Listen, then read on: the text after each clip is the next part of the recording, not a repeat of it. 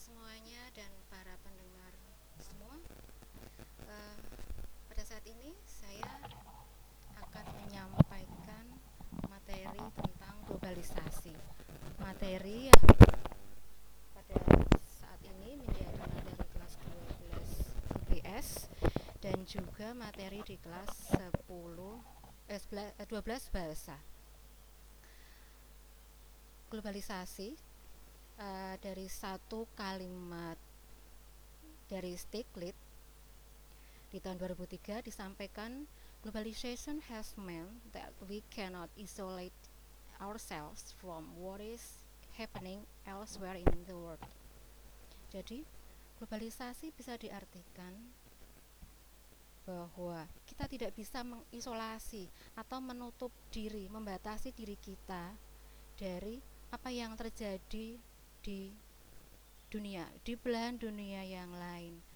Kita tidak bisa seperti kata dalam tempurung karena kita selalu membutuhkan orang lain, bergantung pada pihak lain sehingga apa yang terjadi di luar sana tentu akan selalu berpengaruh pada kehidupan kita.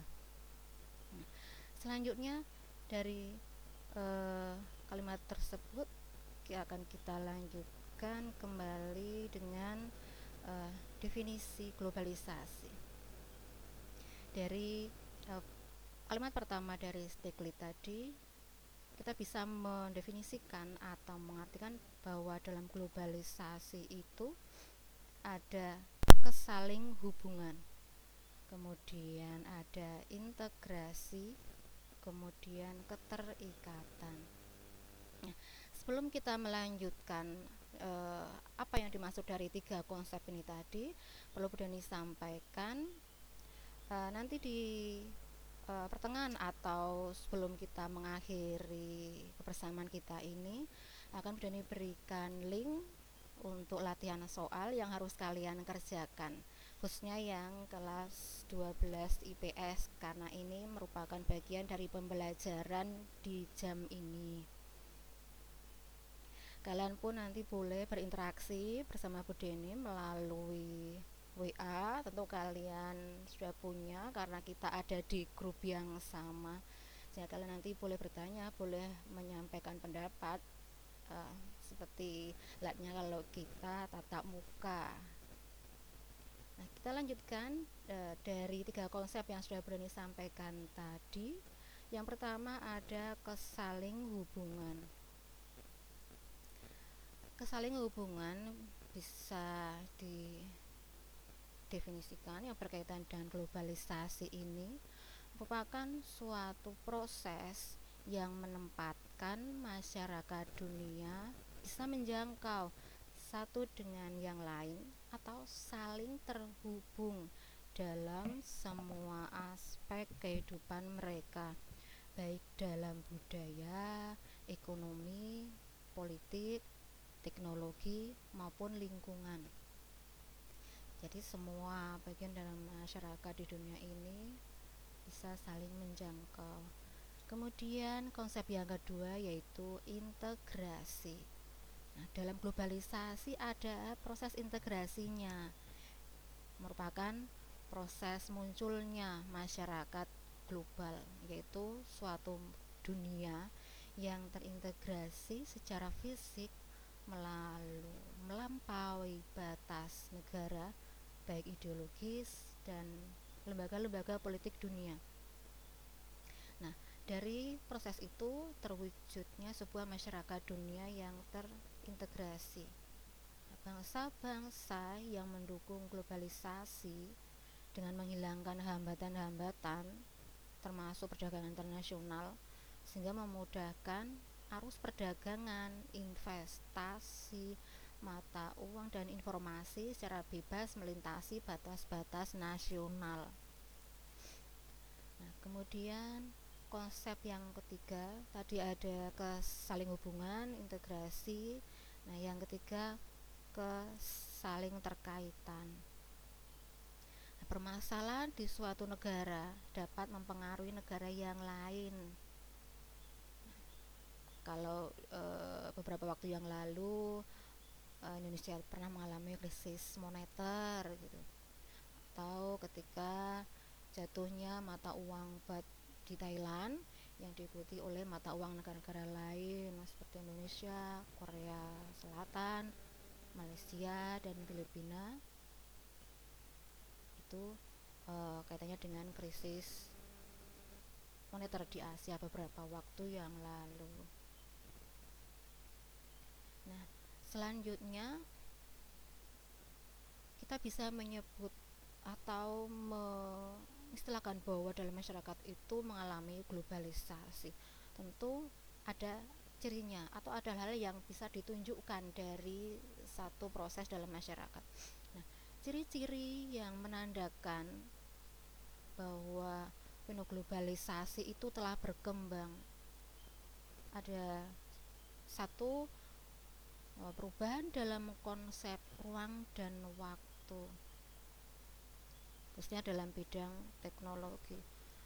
Uh, mungkin secara umum kaitannya dengan pengertian globalisasi gitu bahwa dunia itu tanpa batas globe global atau kalau anak-anak itu sering lihat global bola dunia begitu seolah-olah kalau kita melihat di satu tempat kita bisa secepat kilat melihat tempat yang lain gitu.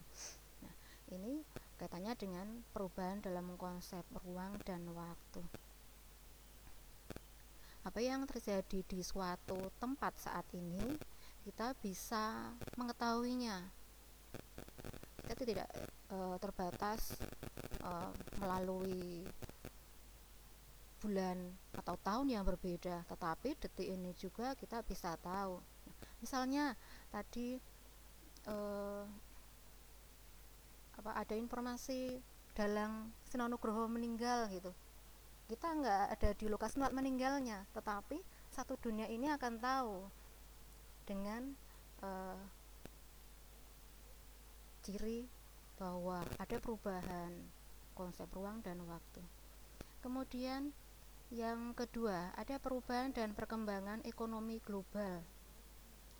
Pasar dan produksi ekonomi di negara-negara yang berbeda menjadi saling bergantung sebagai akibat dari pertumbuhan perdagangan internasional.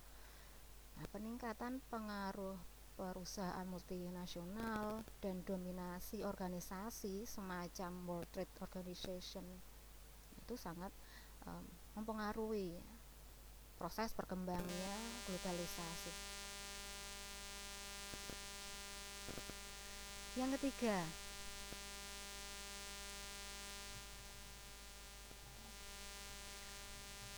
peningkatan interaksi dan pertukaran kultural tanpa disadari melalui perkembangan media massa. Misal televisi, film, musik, dan transisi berita dan olahraga internasional. Nah, pertukaran e, kultural tanpa disadari kita bisa e, mengetahui apa yang sedang menjadi tren di suatu tempat atau apa yang menjadi budaya klasik tradisional yang sudah dikekalkan dalam suatu masyarakat menjadi uh, banyak diketahui, ditiru oleh bangsa yang lain. Misalnya gamelan. Mungkin di antara kalian ada yang tidak bisa main gamelan atau memainkan gamelan dengan benar, tidak hanya waton tutuk. gamelan ternyata tidak hanya dikuasai oleh orang-orang tua di e, negara ini atau orang-orang yang berminat untuk menguasai alat ini, tapi juga kalian bisa tahu atau mungkin pernah melihat ada e, bangsa asing e, turis misalnya yang mampu memainkan dan mereka tidak uh, ada atau tidak berada pada posisi di Indonesia.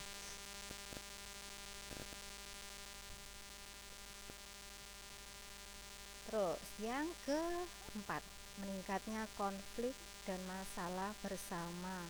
Nah, ini misalnya pada bidang lingkungan hidup, krisis multinasional atau inflasi uh, regional atau inflasi per bagian dunia. Nah, meningkatnya konflik dan masalah bersama ini memang kita melihat uh, pertama bahwa itu adalah dampak negatif dari uh, dampak positif perkembangan globalisasi misalnya lingkungan hidup dengan globalisasi kenapa bisa memunculkan permasalahan berkaitan dengan lingkungan hidup? Nah, itu adalah salah satu pekerjaan kalian untuk mengaitkan. Nah apalagi bahwa di sekolah kita merupakan sekolah adiwiyata yang tentu kalian harus bisa mengaitkan kaitan globalisasi dan lingkungan hidup. Karena kalian sekarang ada pada posisi e, masyarakat yang mengalami globalisasi. Kemudian yang kelima, adanya perkembangan berita dan interaksi kultural lewat informasi dengan beragam cara. Ini seperti halnya uh, ciri yang ketiga. Ketiga uh, difokuskan pada bahwa interaksi itu tidak disadari Nah, yang kelima ini perkembangan berita dan interaksi kultural lewat informasi dengan beragam cara. Fokusnya di nomor lima ini bagaimana berita dan uh, interaksi kultural itu bisa disebarkan atau bisa ditularkan ke segala penjuru dunia misal oh, dari HP kalian yang difasilitasi dengan internet.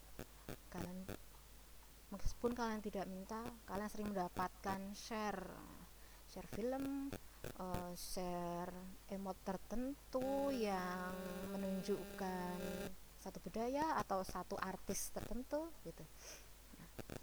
Itu di HP yang selalu kalian gunakan atau di televisi?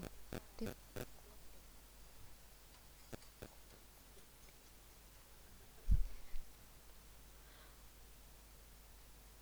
di televisi? Tidak terbatas informasi yang disampaikan.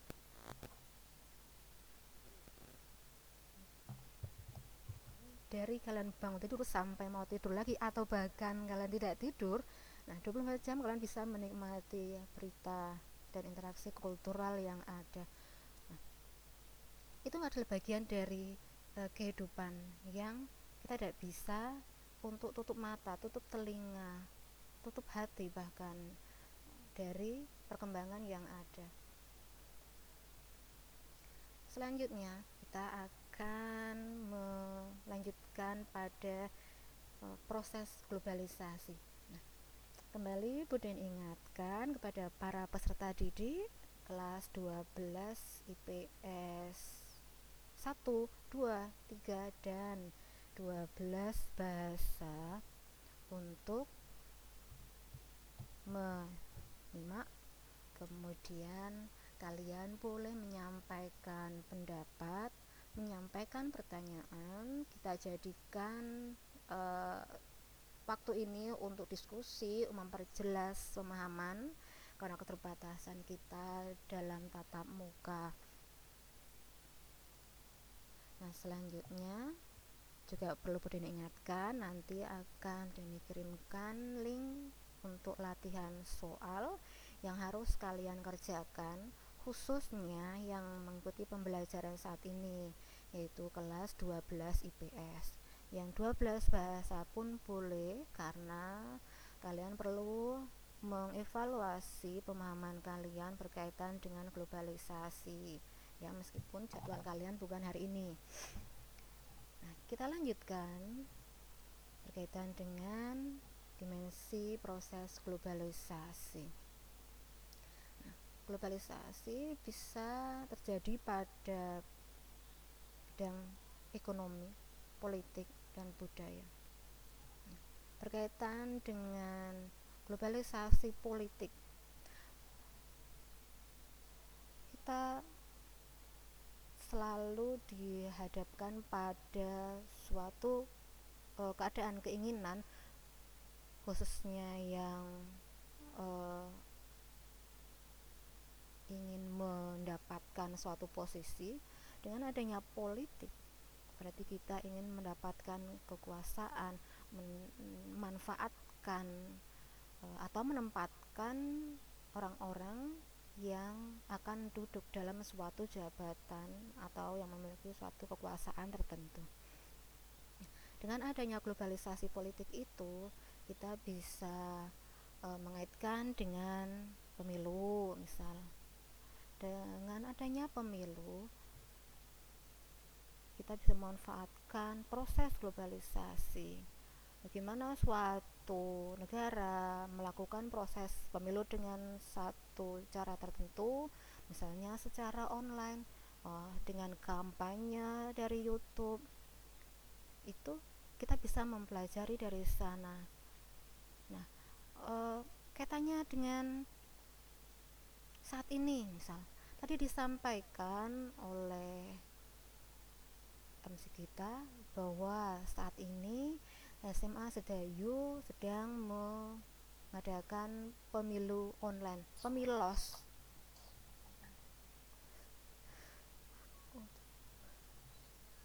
pemilos yang berkaitan dengan sekolah pastinya pemilihan ketua OSIS. Nah, hari ini adalah waktu untuk menyampaikan suara kalian kalian akan tahu. Loh sekarang ada pemilos toh? Nah, kalian tahu pasti dari informasi yang berkembang. Atau kalian yang sekarang ada di lain tempat karena ada yang posisi sekarang peserta didik kita tidak ada di Jawa malah di luar Jawa. Nah, kalian dengan cepat akan bisa mengetahui informasi tersebut.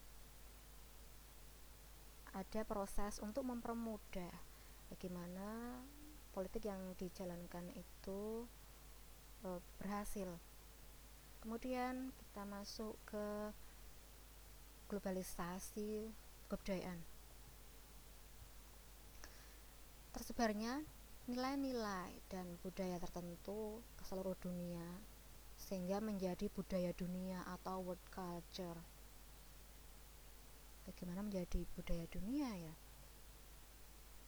Kalau kita pelajari dari awal bahwa kebudayaan budaya itu merupakan hasil karya cipta rasa dari uh, suatu masyarakat yang kemudian dalam proses perjalanan waktu itu dibekalkan atau dilestarikan oleh suatu masyarakat dan menjadi kebiasaan bahkan menjadi bagian dari kepribadian masyarakatnya. Nah, dengan globalisasi ini masyarakat menjadi semakin terbuka dengan pihak lain dengan orang luar bahkan dengan adanya modernisasi atau dengan ditemukannya teknologi komunikasi maka budaya yang ada dalam suatu masyarakat disebarkan e, dan sebaliknya budayaan dari masyarakat lain akan masuk di suatu masyarakat yang sebenarnya memiliki kebudayaan sendiri. Nah, akhirnya tersebarlah kemudian terserap kemudian ada perubahan dalam suatu kebudayaan masyarakat. Meskipun e, dalam sejarahnya bahwa globalisasi kebudayaan itu diawali dengan perjalanan para penjajah Eropa di zaman dulu termasuk Indonesia pun mendapatkan pengaruhnya kemudian perkembangannya setelah ada penjajah itu nah, itu secara intensif di, di abad ke-20 semakin berkembang teknologi komunikasi tadi. Sekarang ciri-ciri globalisasi kebudayaan. Yang pertama ada penyebaran prinsip multi kebudayaan atau multikulturalism bahwa dalam masyarakat bisa didapatkan kebudayaan yang beraneka ragam dan kemudian akses suatu individu terhadap kebudayaan lain di luar kebudayaannya. Nah, kemudian akses itu berarti bahwa sarana untuk mendapatkan atau e, mempelajari kebudayaan lain itu menjadi sangat mudah sehingga kebudayaan itu bisa lebih cepat didapat dipelajari. Kemudian yang kedua, berkembangnya turisme dan pariwisata. Nah, otomatis kalau kalian ke suatu tempat wisata pasti bukan pasti ya tapi sering kalian jumpai wisatawan baik wisatawan yang domestik dari satu kabupaten dari satu provinsi satu negara atau bahkan dari e, negara yang lain yang berbeda kulitnya yang berbeda kebudayaannya. Situ tentu ada interaksi kan. Apalagi kalau kalian sebagai pelaku wisata maka interaksi itu akan semakin intens. Yang ketiga semakin banyaknya imigrasi dari suatu negara ke negara lain ya ini nggak nggak terbatas imigrasi juga sih tapi juga ada emigrasi intinya adanya perpindahan e, seseorang baik individu maupun kelompok dari suatu negara ke negara lain yang masing-masing membawa kebudayaan tempat dia lahir. Nah, di tempat yang baru, kebudayaan itu akan ditunjukkan karena otomatis kebudayaan yang kita bawa itu akan kita tunjukkan ketika kita hidup, ketika kita berinteraksi. Nah, meskipun kita e, sudah mempelajari apa budaya di masyarakat di tempat kita tuju tetapi tentu kebudayaan yang kita bawa itu karena sudah terinternalisasi atau menjadi bagian dari kepribadian kita otomatis akan muncul nah orang lain yang melihat perilaku kita budaya kita tentu e, secara tidak sadar akan terekam dalam e, memori mereka kita pun akan seperti itu kita pun akan merekam apa yang mereka tunjukkan sehingga uh, sedikit banyak kita akan mempengaruhi atau kita akan terpengaruh dari budaya. Nah, yang keempat, berkembangnya mode yang berskala global. Mode. Nah, mode ini yang paling banyak dirasakan selain teknologi. Karena mode itu akan selalu berubah, entah itu berubah uh, yang eh, hanya dalam kurun waktu bulan tetapi mode itu biasanya akan mengulang atas dengan teori perubahan sosial ada e, teori siklus bahwa suatu hal yang ada pada saat ini suatu keadaan yang ada pada saat ini misalnya mode di suatu e, waktu suatu waktu di waktu yang akan datang entah dalam satu tahun dua tahun atau yang pasti di waktu yang akan datang akan muncul kembali dengan sedikit bentuk yang berbeda. Mode misalnya seperti pakaian film dan lain-lain kalau zaman dulu zamannya simbah atau orang tua eh, ada mode pakaian yang celananya longgar di bawah itu. Itu kan di uh, beberapa tahun berikutnya itu menjadi tren kembali. Atau pakaian yang glitter-glitter gitu. Itu juga merupakan pengulangan dari masa sebelumnya nah itu berkembangnya model yang berskala global. Yang tadinya bentuk pakaian seperti itu tadi e, bukan model pakaian Indonesia atau bukan mode pakaian orang-orang Jogja gitu. Tetapi dengan adanya globalisasi semuanya jadi ikut-ikutan untuk menggunakan pakaian itu. Sekarang yang kelima ciri berkembangnya globalisasi kebudayaan bertambah banyaknya event-event berskala global event sorry berskala global seperti Piala Dunia. Event-event berskala global itu terjadi di mana? Oh bukan di Indonesia tetapi kita bisa melihatnya. Atau yang terjadi di Indonesia oh orang luar ternyata bisa menikmati juga. Sekarang yang globalisasi ciri yang keenam meningkatnya interaksi budaya antar negara melalui perkembangan media massa. Nah perkembangan media massa sudah diprediksikan sejak dulu bahwa media massa ini akan lebih mudah berkembang atau menjadi media masa depan. Kalau secara fisik tadinya eh, semuanya bisa membaca dari koran sekarang koran pun mengalami uh, apa kemajuan atau pergeseran ke arah yang menggunakan teknologi modern. Misalnya e, e newspaper seperti kr.go.id misalnya atau kompas.com nah gitu. Itu media mas media massa yang tadinya tercetak. Media massa yang elektronik misalnya radio televisi itu pun juga mengalami perkembangan. Radio yang tadinya kita uh, taunya seperti yang dibawa oleh Simba gitu uh, kotak kecil kemudian diputar-putar sekarang di HP kalian bisa untuk menyalakan radio.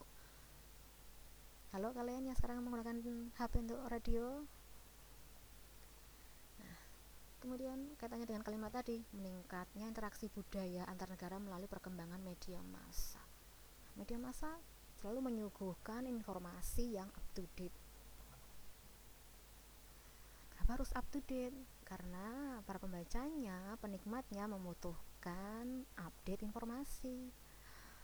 Nah, seperti tadi yang di awal kita sebutkan adanya satu berita yang semuanya akan menyampaikan berita yang sama dan semua orang akan tahu.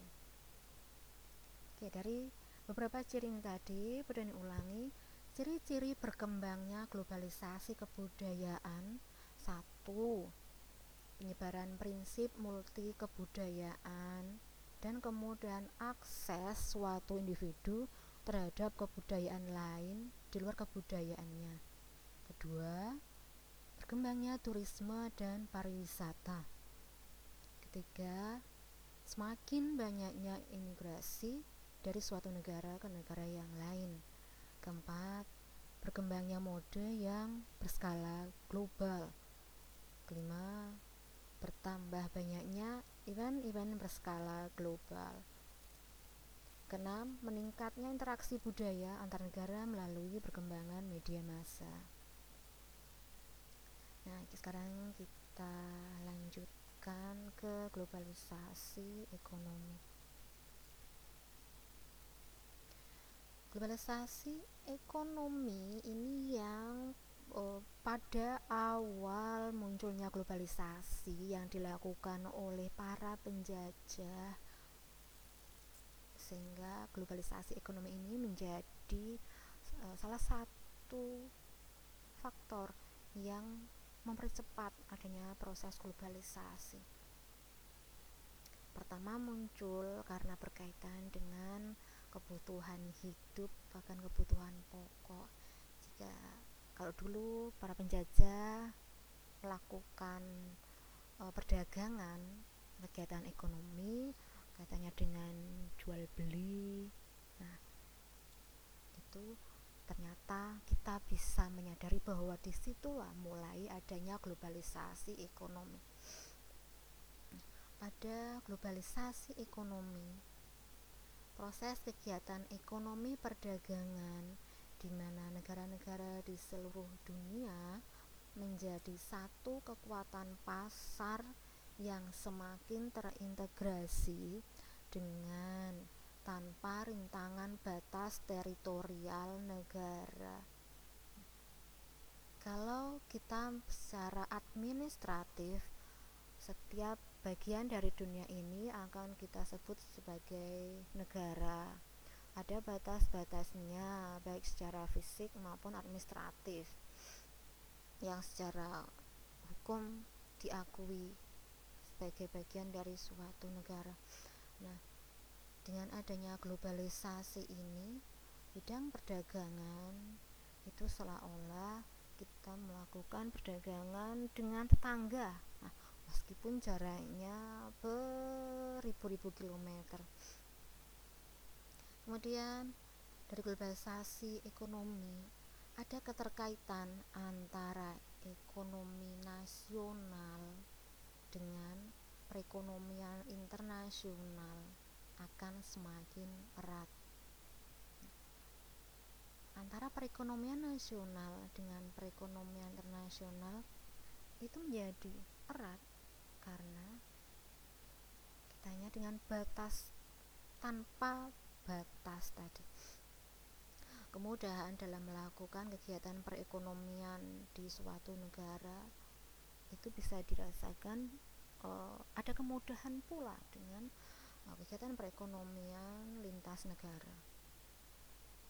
Kemudian dalam globalisasi ekonomi memberikan akses yang besar kepada masyarakat terhadap pertumbuhan ekonomi.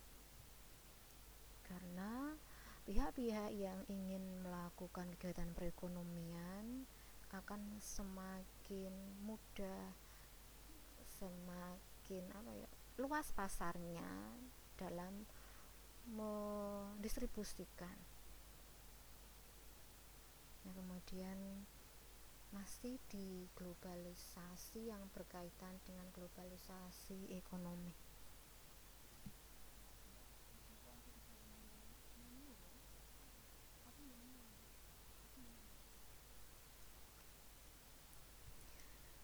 menurut Tanri Abeng perwujudan nyata dari globalisasi ekonomi.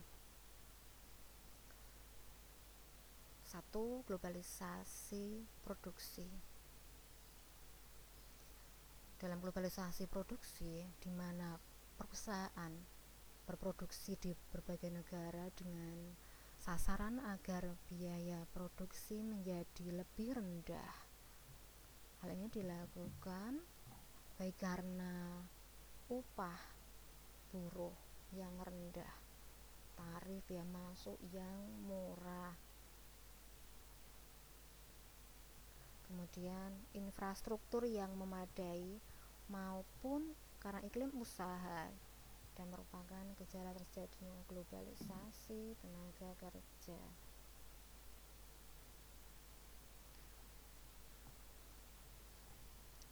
Kemudian kita masuk ke globalisasi pembiayaan.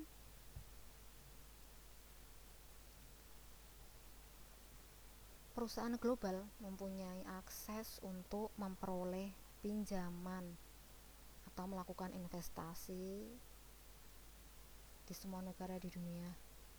Sebagai contoh PT Telkom dalam perbanyak satuan sambungan telepon atau PT Jasa Marga dalam memperluas jaringan jalan tol memanfaatkan sistem pembiayaan dengan pernah memanfaatkan sistem pembiayaan dengan pola BO BOT Build Operate Transfer bersama mitra usaha dari mancanegara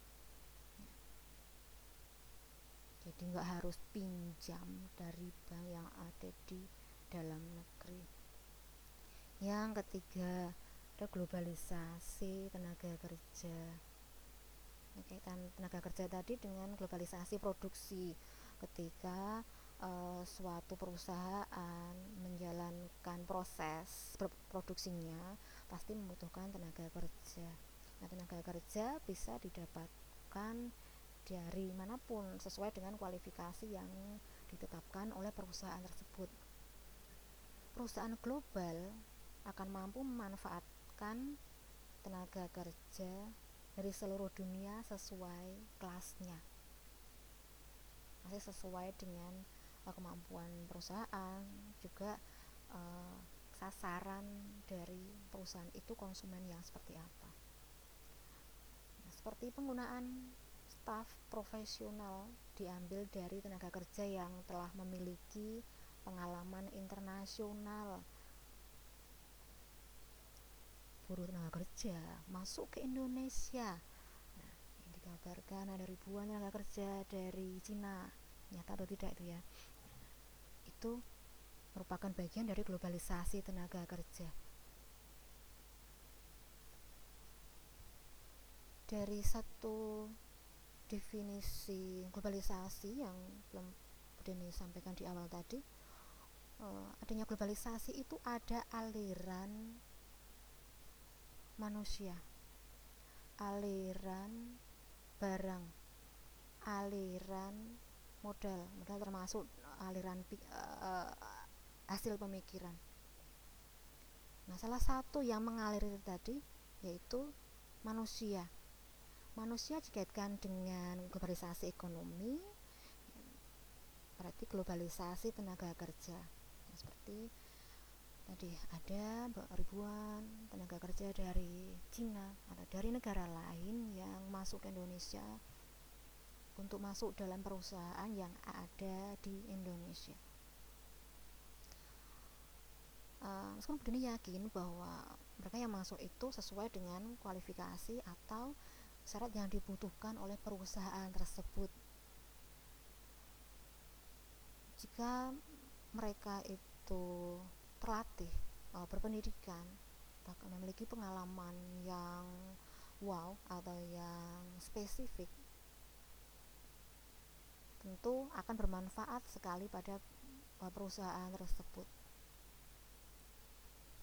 tapi yang perlu uh, kalian pikirkan bagaimana dengan orang-orang Indonesia? Bagaimana dengan orang-orang lokal yang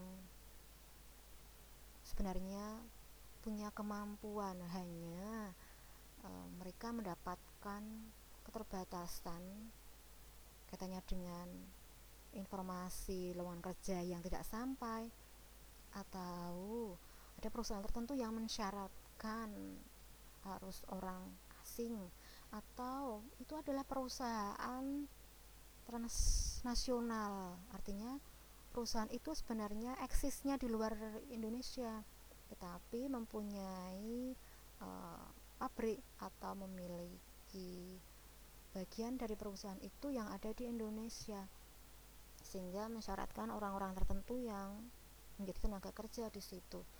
Nah,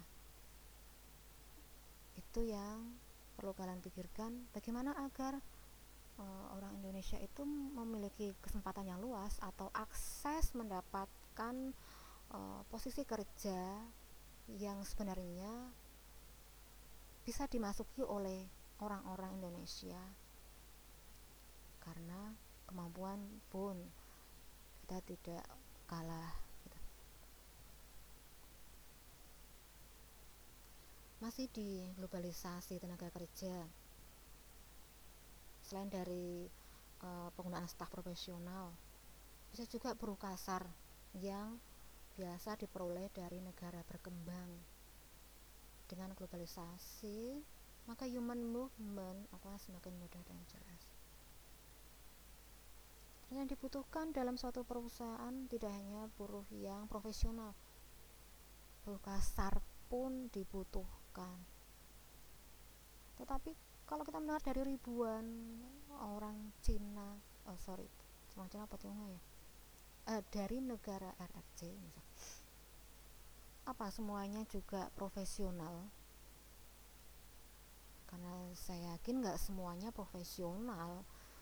Pasti ada yang menempati posisi di bawah bukan menempati pada satu jabatan penting dalam perusahaan atau pada uh, satu posisi yang dibutuhkan keahlian khusus. Nah, di Indonesia, standar pembiayaan, uh, standar menggaji tenaga kerja di beberapa posisi itu memang rendah. Nah, itu dimanfaatkan oleh perusahaan yang mempekerjakan maksudnya perusahaan internasional kemudian yang keempat perusahaan jaringan informasi masyarakat suatu negara dengan mudah dan cepat mendapatkan informasi dari negara-negara di dunia karena kemajuan teknologi.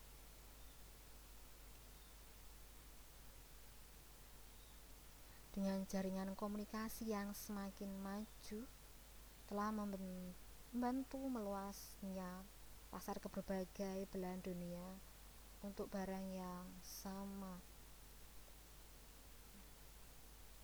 Misal ada tuh? Barang-barang dari luar. Misalnya ya kok barang. Uh, rumah makan dari luar KFC di misal. Atau barang yang berupa baju dengan merek atau branded luar. Kemudian apa lagi HP melanda pasar di mana-mana. Akibatnya selera masyarakat dunia baik yang berdomisili di kota ataupun di desa menuju pada selera global. Kalau di pinggir jalan sekarang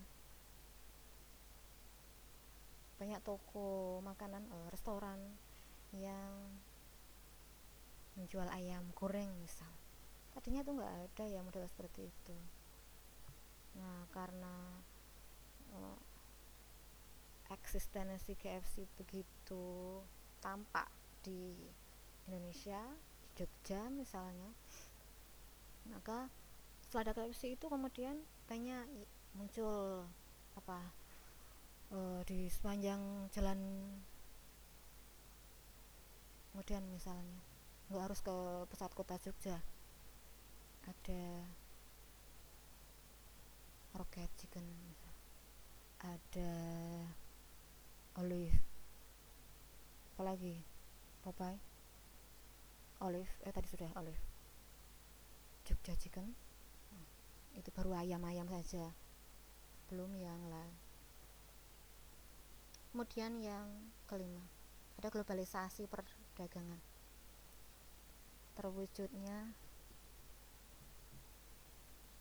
bentuk penurunan dan penyeragaman tarif serta penghapusan berbagai hambatan non-tarif sehingga kegiatan perdagangan dan persaingan menjadi semakin cepat, ketat, dan fair. Oke, uh, ini beberapa perwujudan nyata dari globalisasi ekonomi. Ada globalisasi produksi, globalisasi pembiayaan, globalisasi tenaga kerja, globalisasi jaringan informasi dan globalisasi perdagangan. Uh, kalian dengarkan lagu untuk beberapa saat yang semoga bisa mengimbus semangat kalian belajar lagi. Nanti kita lanjutkan setelah kalian termotivasi kembali.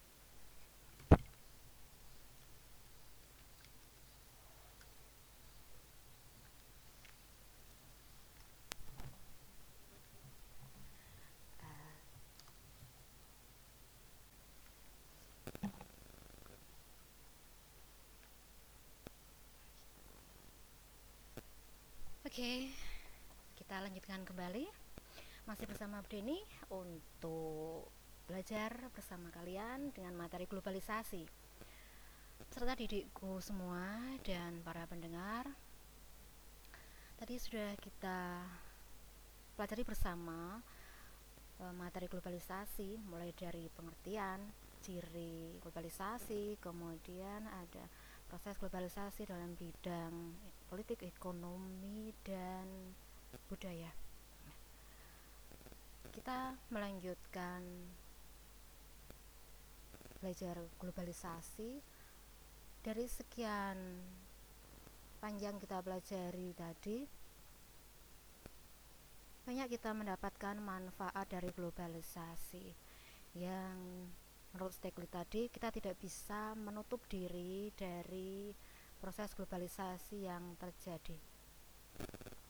Nah, dari uh, dampak atau yang kita rasakan dari globalisasi tadi, kita akan lebih dalam lagi membahas tentang bagaimana dampak yang diakibatkan dari globalisasi dalam kehidupan bermasyarakat itu kehidupan yang ada dalam masyarakat dilihat dari pekerjaan seseorang atau status seseorang misalnya sebagai guru, pegawai, pelajar juga dari kehidupan tempat mereka tinggal misalnya desa atau kota uh, di posisi gunung atau di pinggir hutan tepi pantai dalam kehidupan berbangsa tentu di dalamnya ada unsur keluarga suku bangsa negara yang tidak bisa membatasi adanya dampak dari globalisasi. Kita masuk pada satu salah satu bidang dulu untuk melihat dampak globalisasi yaitu bidang hukum. Adanya globalisasi telah meningkatkan terdependensi antar negara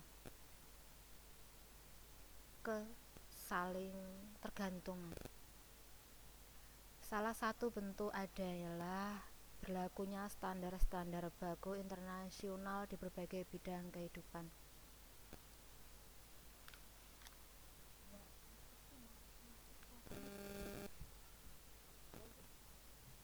Melemahnya ikatan primordial nasional dan etnosentrisme yang kemudian berdampak pada bidang hukum. Indonesia tidak terlepas dari pengaruh globalisasi hukum. Fenomena ini tampak pada aspirasi masyarakat yang mengendaki adanya perubahan, keterbukaan, keadilan, dan demokrasi. Kecenderungan perubahan di bidang hukum yang dipengaruhi oleh globalisasi adalah diratifikasinya. Beberapa perangkat konvensional hukum internasional menjadi hukum nasional Indonesia. Berarti hukum yang ada di suatu negara khususnya Indonesia itu perlu berkembang lagi mengikuti perkembangan dunia hukum internasional. Nah setelah bidang hukum kita masuk ke bidang sosial budaya. Nah, globalisasi mempengaruhi hampir semua aspek yang ada di masyarakat termasuk di antaranya aspek budaya. Kebudayaan dapat uh, kita lihat efeknya. Kalau tadi di awal berkaitan dengan mode nah yang tidak kalah berpengaruhnya pada gaya. Nah, gaya mode yang ada yang berubah ke barat-baratan. Maksudnya barat-baratan bukan karena kena angin tetapi karena e, mode yang bagi budaya timur budaya Indonesia itu tidak pantas gitu. Tata busana menjadi salah satu contoh globalisasi di bidang sosial budaya contoh lain misalnya budaya konsumsi. Budaya konsumsi hmm, makan uh, fast food kemudian dari cara membelinya pun bisa kita lihat. Kemudian contoh yang lain lagi berbicara berpikir kemudian kita masuk lagi setelah bidang politik sosial eh hukum sosial budaya kemudian bidang ekonomi. Jadi sudah uh, cukup banyak yang bisa kita pelajari dari globalisasi dalam bidang ekonomi. Globalisasi ekonomi mengharuskan bukan mengharuskan tapi secara tidak langsung memaksa penghapusan seluruh batas dan hambatan terhadap arus modal barang dan jasa. Globalisasi perekonomian di satu pihak akan membuka peluang pasar produk dari dalam negeri ke pasar internasional secara kompetitif. Nah, sehingga persaingan akan semakin besar banyak yang harus melakukan inovasi, mengembangkan kreativitas untuk bisa mendapatkan pasar. Namun, di sisi yang lain, tidak sedikit pula yang berusaha untuk mendapatkan cara-cara tertentu yang tidak wajar untuk bisa mendapatkan keuntungan.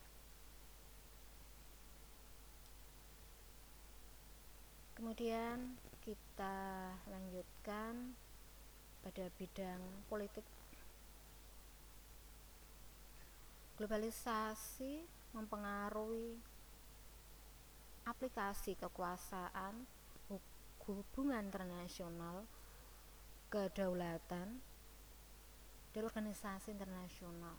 Termasuk di dalamnya adanya perbatasan antar negara antar negara tetangga atau bentuk perjanjian-perjanjian internasional. Misalnya hubungan politik antara Indonesia dengan Cina pemberlakuan kebijakan untuk menenggelamkan kapal ikan milik asing kata Bu tenggelamkan gitu. Yang berlayar di perairan Indonesia membuat hubungan Cina dan Indonesia sedikit merenggang. Namun kerugian yang besar pun dialami Indonesia jika hal itu dilakukan sehingga keluarlah kebijakan tersebut. dalam bidang yang lain lagi eh, di luar ekonomi, politik, sosial budaya, dalam bidang agama atau kepercayaan pun itu juga mengalami dampaknya. Proses globalisasi yang berdimensi global dapat menyentuh tradisi agama yang mempunyai kekuatan norma, nilai dan makna yang memberikan dasar ekonomi bagi kehidupan masyarakat. Namun demikian, ke akibat perkembangan teknologi komunikasi dan informasi dapat pula menyebabkan terjadinya pergeseran nilai dan agama. Pengaruh negatif yang mungkin terjadi dapat membuat orang mencari alternatif spiritual lain yang pemaknaan makna hidupnya. Bahkan sekte atau aliran yang dianggap menyimpang dari norma agama yang lain. Ada juga yang tidak mau menyatakan agama saya adalah ini. Ada yang nggak mau hanya mengatakan bahwa yang penting saya tidak mengganggu orang lain, tidak mengambil hak milik orang lain, dan saya bisa bermanfaat untuk orang lain. Ini secara e, nyata pernah Berdani dengarkan dari seseorang yang tidak mau langsung menyatakan apa agamanya gitu atau kepercayaannya apa gitu begitu globalisasi itu berdampak pada kehidupan manusia yang kemudian menghilangkan e, pemahaman atau pengetahuan yang sudah ditanamkan oleh keluarganya dari sejak awal bahwa seseorang itu e, pasti akan mengikuti apa yang menjadi keharusan dalam agamanya kemudian akan ada kehidupan nanti dan seterusnya. Yang itu tidak lagi dipakai tidak pegang lagi oleh orang tersebut. Kemudian kita melanjutkan dampak pada bidang ekonomi dan komunikasi. Informasi dan komunikasi yang didukung dengan menggunakan teknologi dapat dilakukan dengan mudah dan efektif. Teknologi informasi dan komunikasi memberikan efektivitas dan efisiensi yang sangat berarti bagi kehidupan manusia.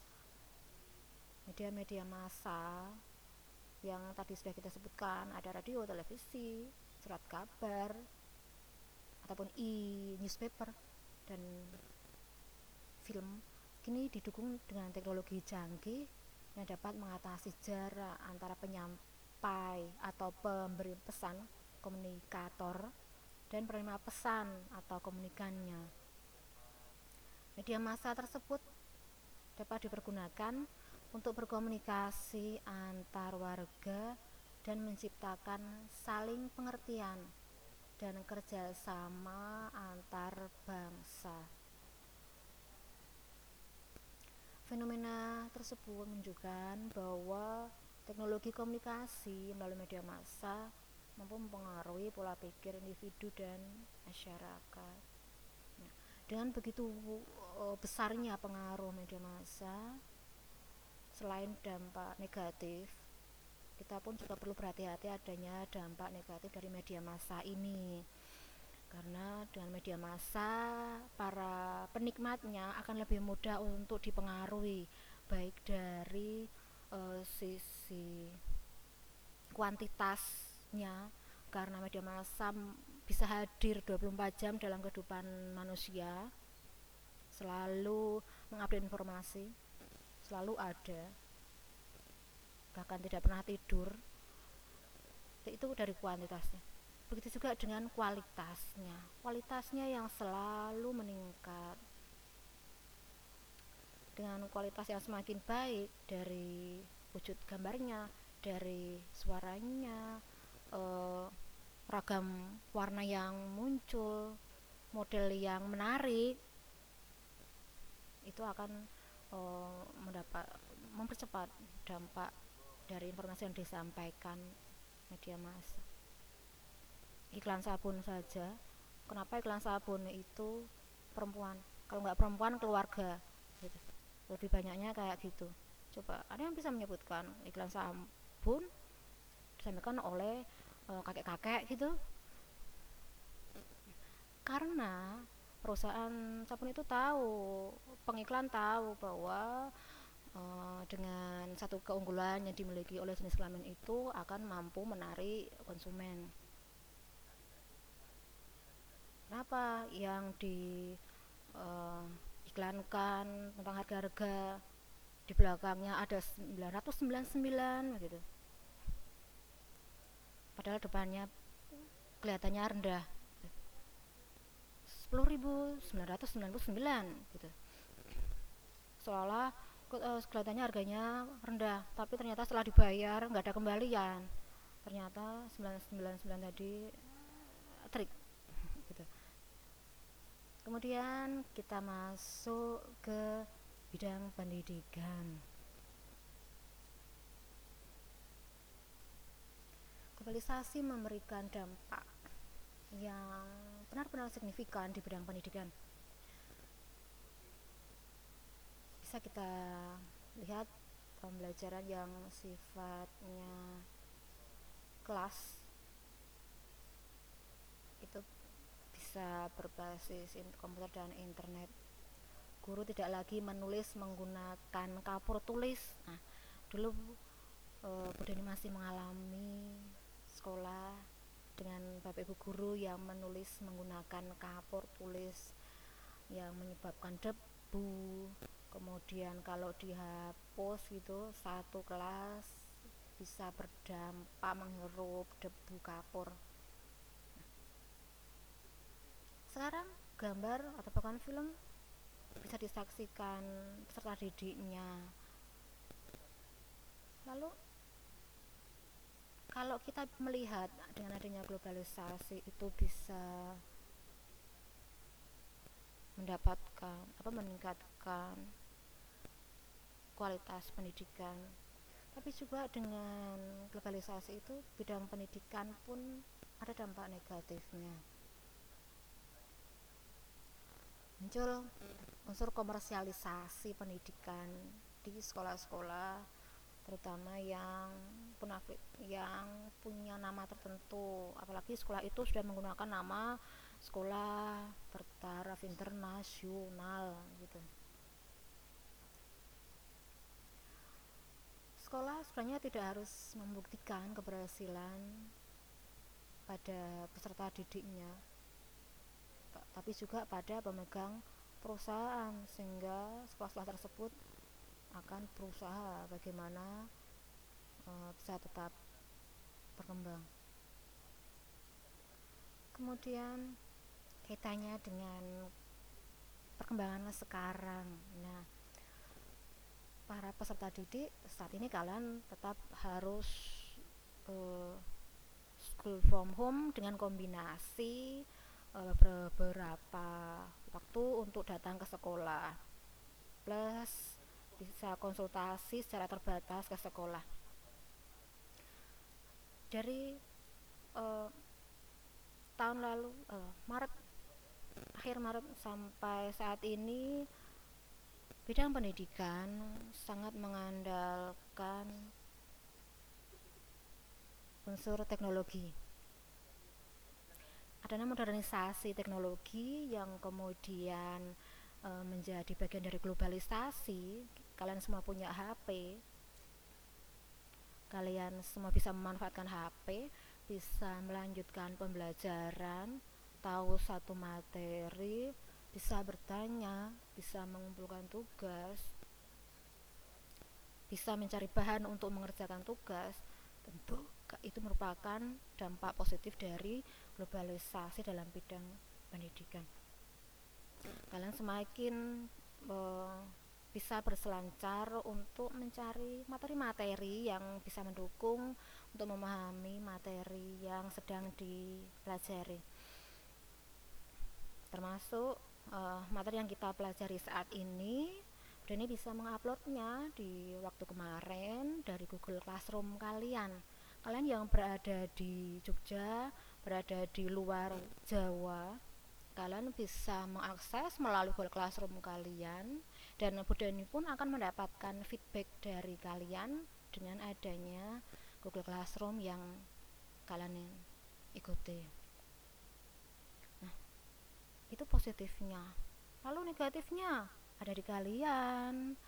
Nah, negatifnya ini bisa melihat ada beberapa peserta didik yang ngakunya sudah mengumpulkan tetapi ternyata belum setelah dicek.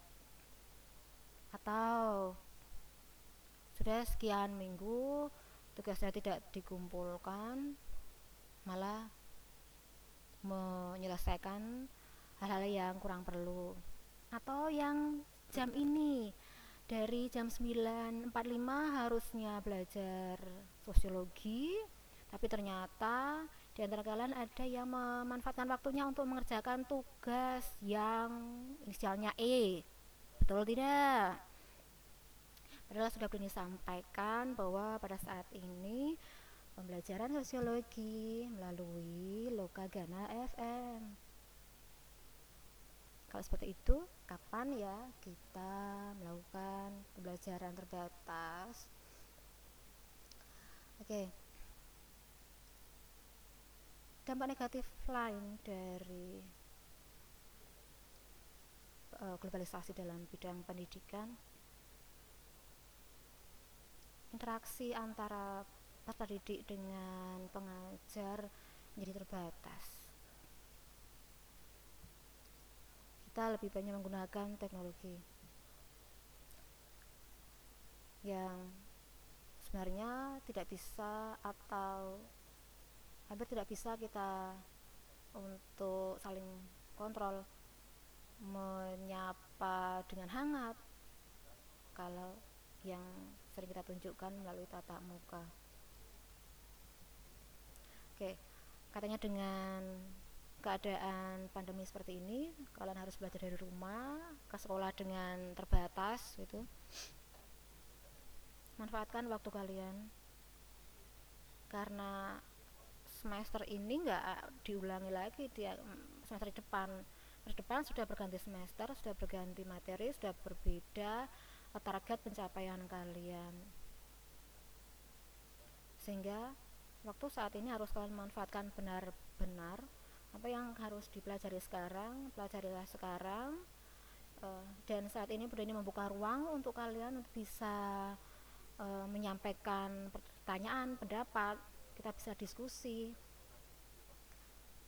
Bisa kalian manfaatkan sarana ini gitu. Kemudian masih kita lanjutkan. Dari dampak yang sudah Beni sampaikan tadi. Beni pastikan kalian paham. Kenapa bisa memastikan kalau kalian sudah belajar dari materi-materi sebelumnya? Nah kalau yang belum paham yo dilala. Bahkan sudah berdeni buka ruang untuk diskusi bertanya tidak ada yang menyampaikan berarti paham semua kan Oke, nanti akan berdeni lihat di hasil mengerjakan soal evaluasi. Nah, dari situ akan berdeni lihat dong apa tidak kalian.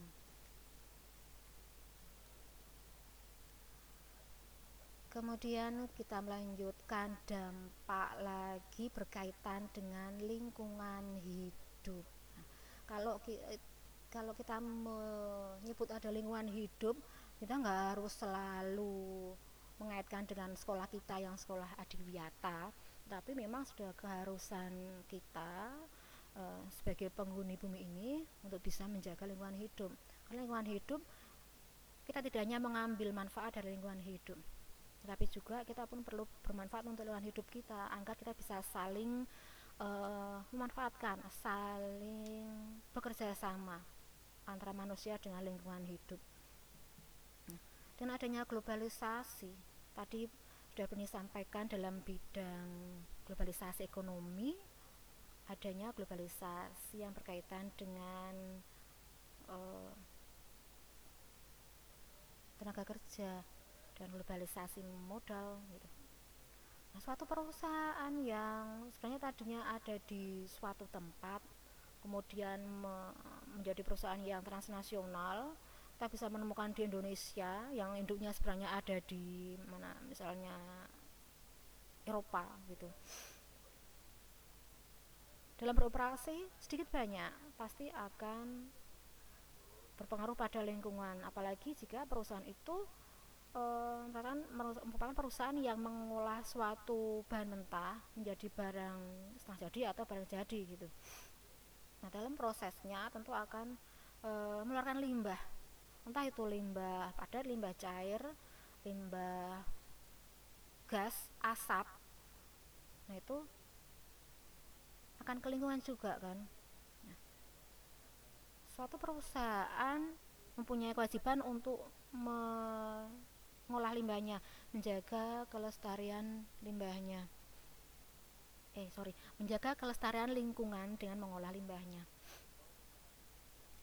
Bagaimana dengan perusahaan yang tidak mengolahnya, menyalurkan ke sungai, membuang ke suatu tempat, misal. Berarti lingkungan kita akan tercemar itu dari perusahaan tapi bagaimana dengan rumah tangga? Karena rumah tangga pun mendapatkan efek dari globalisasi. Beli makanan beli baju beli barang-barang pasti ada bungkusnya kan? Apa bungkusnya mau ikut dimakan mau ikut dipakai disimpan ditimbun di rumah? Enggak juga. Pasti ingin rumahnya bersih kesehatan perutnya terjaga nggak mungkin sampah itu akan ditelan atau disimpan saja itu akan dibuang. Nah pembuangan sampah produk dari manusia ternyata manusia itu juga perusahaan pabrik pabrik sampah. Nah sampahnya mau dikemanakan? Dibuang di tempat sampah uh, atau setiap hari ada tukang sampah yang mengambil mereka hanya mengambil dan diletakkan di tempat yang lain tetap manusia menjadi produsen sampah. Nah makanya sampah dari rumah tangga perlu dikelola. Ada yang namanya pengelolaan sampah. Dari rumah tangga. Nah, karena yang paling apa ya, e, dibahas berkaitan dengan globalisasi ekonomi kaitannya dengan e, perusahaan pabrik-pabrik yang e, efek atau limbah usahanya itu menyebabkan masalah misalnya pemanasan global. Tandanya dengan adanya peningkatan suhu rata-rata atmosfer laut dan daratan bumi peningkatan suhu tersebut menyebabkan perubahan iklim ekstrim di bumi nah kemudian gunung es yang di kutub mulai mencair dan menyebabkan naiknya permukaan air laut dan menenggelamkan daratan sedikit demi sedikit. Oleh karena itu, hendaknya manusia menjaga kelestarian lingkungan, oke? Okay? Jadi tidak hanya perusahaan yang harus mengelola limbahnya, syukur bisa meminimalkan dengan mengolah limbah itu menjadi barang lebih berguna, tapi juga mulai dari rumah tangga, mulai diri kita, diri kalian juga harus menjadi pengelola limbah. Kalau kita tadi menghasilkan limbah sekarang usahakan bahwa limbah itu juga bisa kalian manfaatkan mulai berterima kasih pada pemulung.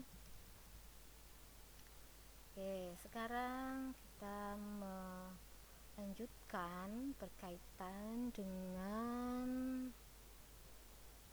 bagaimana kita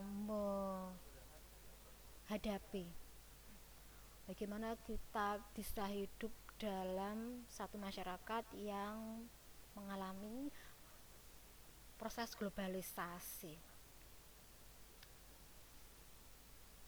perlu adanya sikap kritis dari kita perubahan yang cepat tidak harus serta-merta kita ikuti tanpa adanya pertimbangan pemikiran e, tentang dampak positif negatifnya, bagaimana mengatasi dampak negatifnya, bagaimana memanfaatkan nanti kalau mendapatkan dampak negatif dan seterusnya.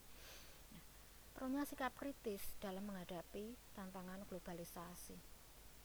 Satu, meningkatkan kualitas sumber daya manusia.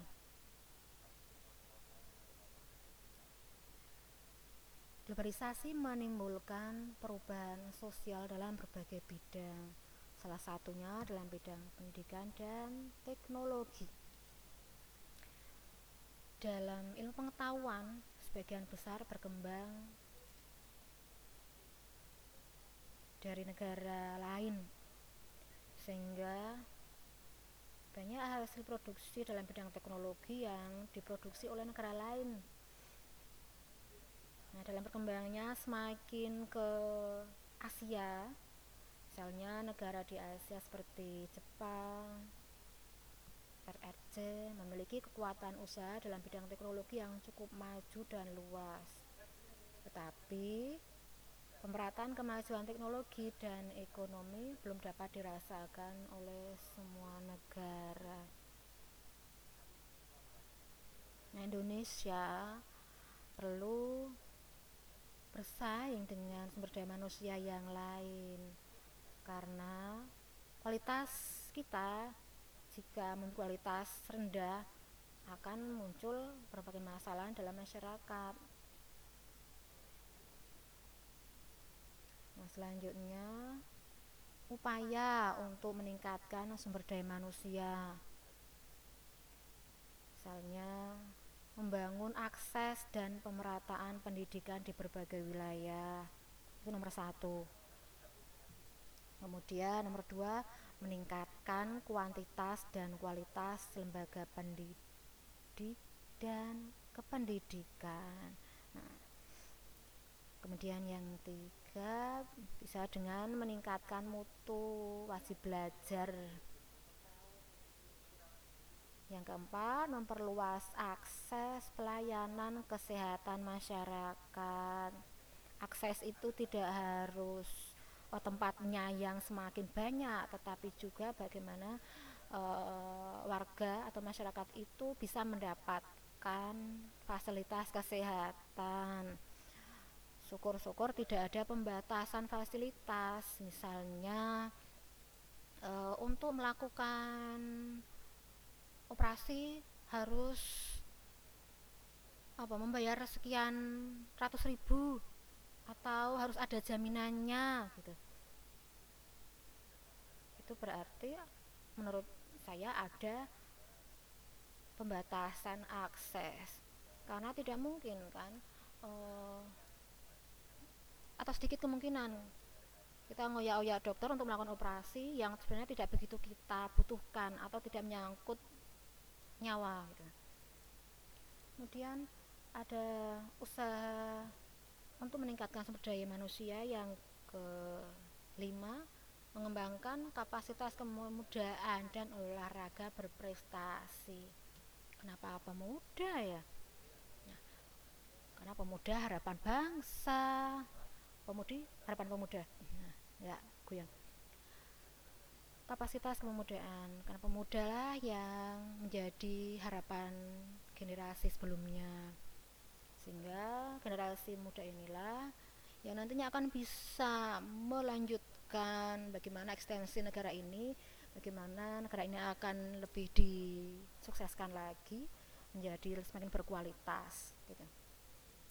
Kemudian yang keenam upaya untuk meningkatkan sumber daya manusia dengan meningkatkan kualitas lembaga kerja melalui berbagai pelatihan kerja.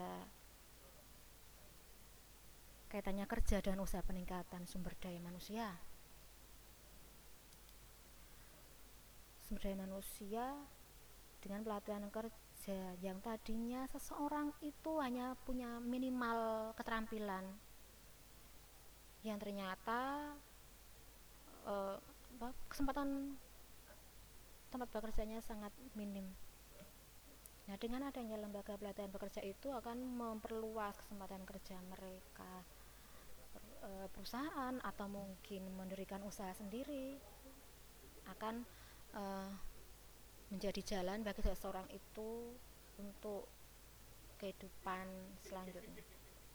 Nah, kalau tadi sikap kritis yang kita butuhkan dalam menghadapi globalisasi yaitu meningkatkan sumber daya manusia. Nah, yang kedua berpegang teguh pada norma-norma sosial. Norma sosial merupakan kalau kalian ingat ini ada di kelas 10 mata kelas 10 ada kemudian di SMP pun ada atau dalam pelajaran PKN pun ada. Norma sosial merupakan aturan yang sudah disepakati dalam suatu masyarakat yang di dalamnya ada sanksi. Dianggap suatu hal yang baik dan penting dalam masyarakat norma itu tujuannya untuk mengarahkan, mengatur dan membatasi perilaku individu atau masyarakat agar sesuai harapan dan tujuan hidup bersama. Norma sosial ini di setiap daerah berbeda sehingga seseorang yang hidup atau berada dalam suatu wilayah perlu mempelajari memahami dan mengaplikasikan norma itu dalam kehidupannya. Karena jangan salah norma. Selanjutnya yang ketiga mewujudkan globalisasi. Oh apalagi itu? Kalau tadi ada globalisasi sekarang ada globalisasi globalisasi versus globalisasi ada banyak budaya Indonesia yang sudah dikenal masyarakat dunia atau go international gitu, artis-artis itu misalnya seperti gamelan apalagi nasi goreng batik masakan padang musik dangdut nah, atau alat musik yang lain yang sifatnya tradisional ini sudah dikenal oleh uh, dunia internasional. Contoh kebudayaan ini menunjukkan adanya globalisasi suatu budaya yang dari suatu negara bisa ditemukan di negara yang lain dengan rasa tertentu gitu. Itu globalisasi kita kalau yang masuk ke Indonesia misalnya uh, hot eh bukan hamburger tempe pada umumnya di tengah pengaruh globalisasi budaya cenderung berubah ke arah homogenisasi masyarakat. Budaya barat dan warna budaya tertentu cenderung digunakan sebagai kiblat semuanya. Awalnya seperti itu. Oh, pokoknya asal berbau barat gitu. Kelihatannya sok to date gitu. Ngetren, modern, enggak kudet, katrok gitu tapi uh, seringnya dengan uh, pemikiran manusia kemudian kesadaran bahwa tidak semuanya yang dari barat itu baik ternyata kita punya sesuatu hal yang lebih baik untuk hal-hal tertentu maka apa yang ada di di sini semakin dikenal di luar sehingga kiblat saat ini kalau orang sholat kiblatnya ada satu tempat. Nah sekarang kaitannya dengan globalisasi ini kiblat kita sesuaikan dulu dalam bidang apa dulu? Kita akan berkiblat gitu. Konsep globalisasi merupakan kebalikan dari konsep globalisasi. Nah itu tadi yang belum disampaikan terakhir tadi. Glo gagasan globalisasi merupakan unsur dari unsur lokal. Kemudian ada konsep think globally and act locally merupakan inti pemikiran globalisasi keadaannya. Eh, bahwa masyarakat itu diharapkan dapat menyadari realitas perubahan sosial dan mampu. Nah ini yang menjadi keharusan. Mampu mempertahankan nilai-nilai budaya lokal. Think globally and act locally kita tidak bisa menutup perubahan yang berada di luar kita kita pasti akan ada dalam perubahan itu. Tapi kita perlu mempertahankan nilai-nilai budaya lokal. Kemudian yang selanjutnya sikap kritis yang perlu kita tunjukkan atau perlu ada dalam diri kita menumbuhkan sikap bangga terhadap identitas bangsa Indonesia ada yang malu? Jangan ya.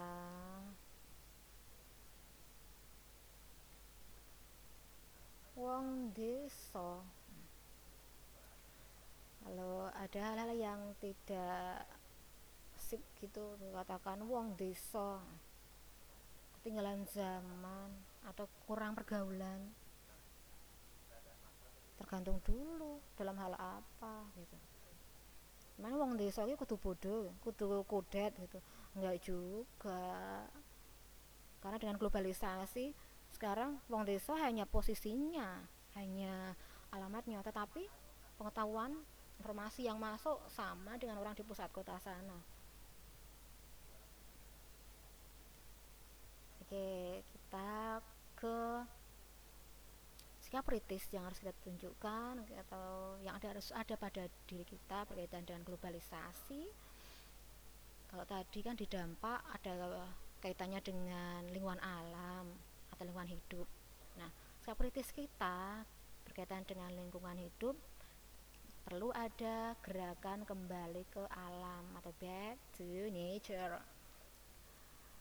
Mengapa kita perlu berpartisipasi menjaga kelestarian alam alam merupakan sumber kehidupan manusia sehingga seengenah gitu. Kita bisa saling bergantung untuk terus melanjutkan hidup. Gerakan kembali ke alam bisa digunakan untuk mengatasi permasalahan lingkungan. Misalnya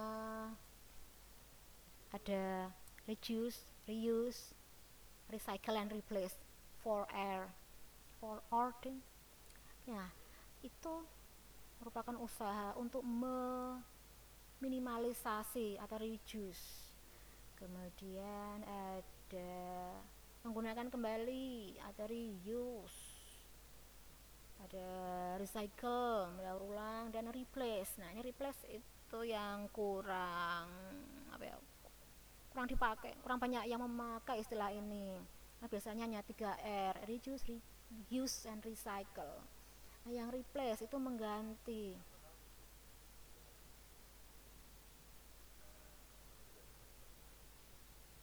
Mengganti itu kaitannya dengan e, misalnya kalau sebelumnya kita menggunakan barang yang sekali pakai. Misalnya apa ya? Misalnya e, botol minum, maksud botol minum itu masih bisa di recycle tapi kita perlu juga replace dan menggunakan botol minum itu. Kita bisa menggunakan botol minum yang bisa dipakai ulang. Nggak saya sebut merek juga. Karena botol minum misalnya dari kemasan itu kan memang desainnya untuk sekali pakai karena kalau sudah digunakan juga akan ada efek negatifnya dari bahan yang ada. Kemudian belanja-belanja. Belanja sering kita mendapatkan tas kresek dari toko. Memang tas kresek itu bisa kita uh, pakai ulang reuse. Bisa juga didaur ulang menjadi produk lain. Tetapi itu sama saja kita juga menjadi produsen sampah. Nah untuk menghindari plastik kita bisa menggunakan tas belanja. Nah, di toko-toko tertentu sekarang sudah memperlakukan itu. Ya, meskipun ada plus minusnya lah katanya dengan uh, pembeli katanya dengan pemilik toko gitu. tetapi katanya dengan lingkungan kita bisa berperan sedikit untuk meminimalkan sampah selain 4R tadi yang berkaitan dengan bagaimana sikap kritis kita dalam memelihara lingkungan yang kedua melakukan penanaman pohon. Kemudian ada lagi memproduksi bahan bakar alternatif yang ramah lingkungan. Oke dari sekian panjang materi yang sudah Bani sampaikan uh, di kelas 12 IPS ini merupakan uh, materi yang baru Bu Deni jelaskan saat ini. Namun sebelumnya kalian sudah mendapatkan file dari materi ini. Sehingga harapan Bu Deni bagi kalian yang saat ini mendengarkan ini merupakan penjelasan dari Bu Deni yang bisa memperkuat pemahaman kalian dengan materi globalisasi kemudian dampak dan sikap kritis yang harus ditunjukkan.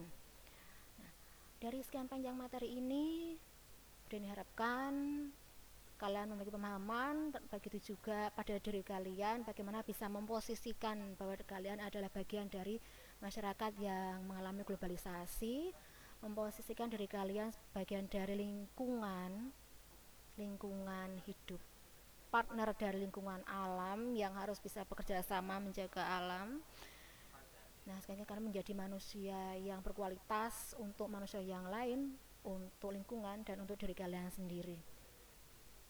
Kemudian uh, tadi Bu Deni sudah memberikan link evaluasi soal.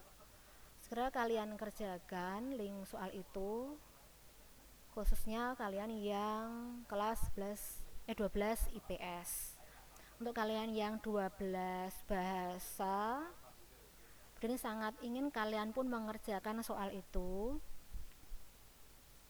nanti akan Budeni infokan bagaimana hasil kalian mengerjakan.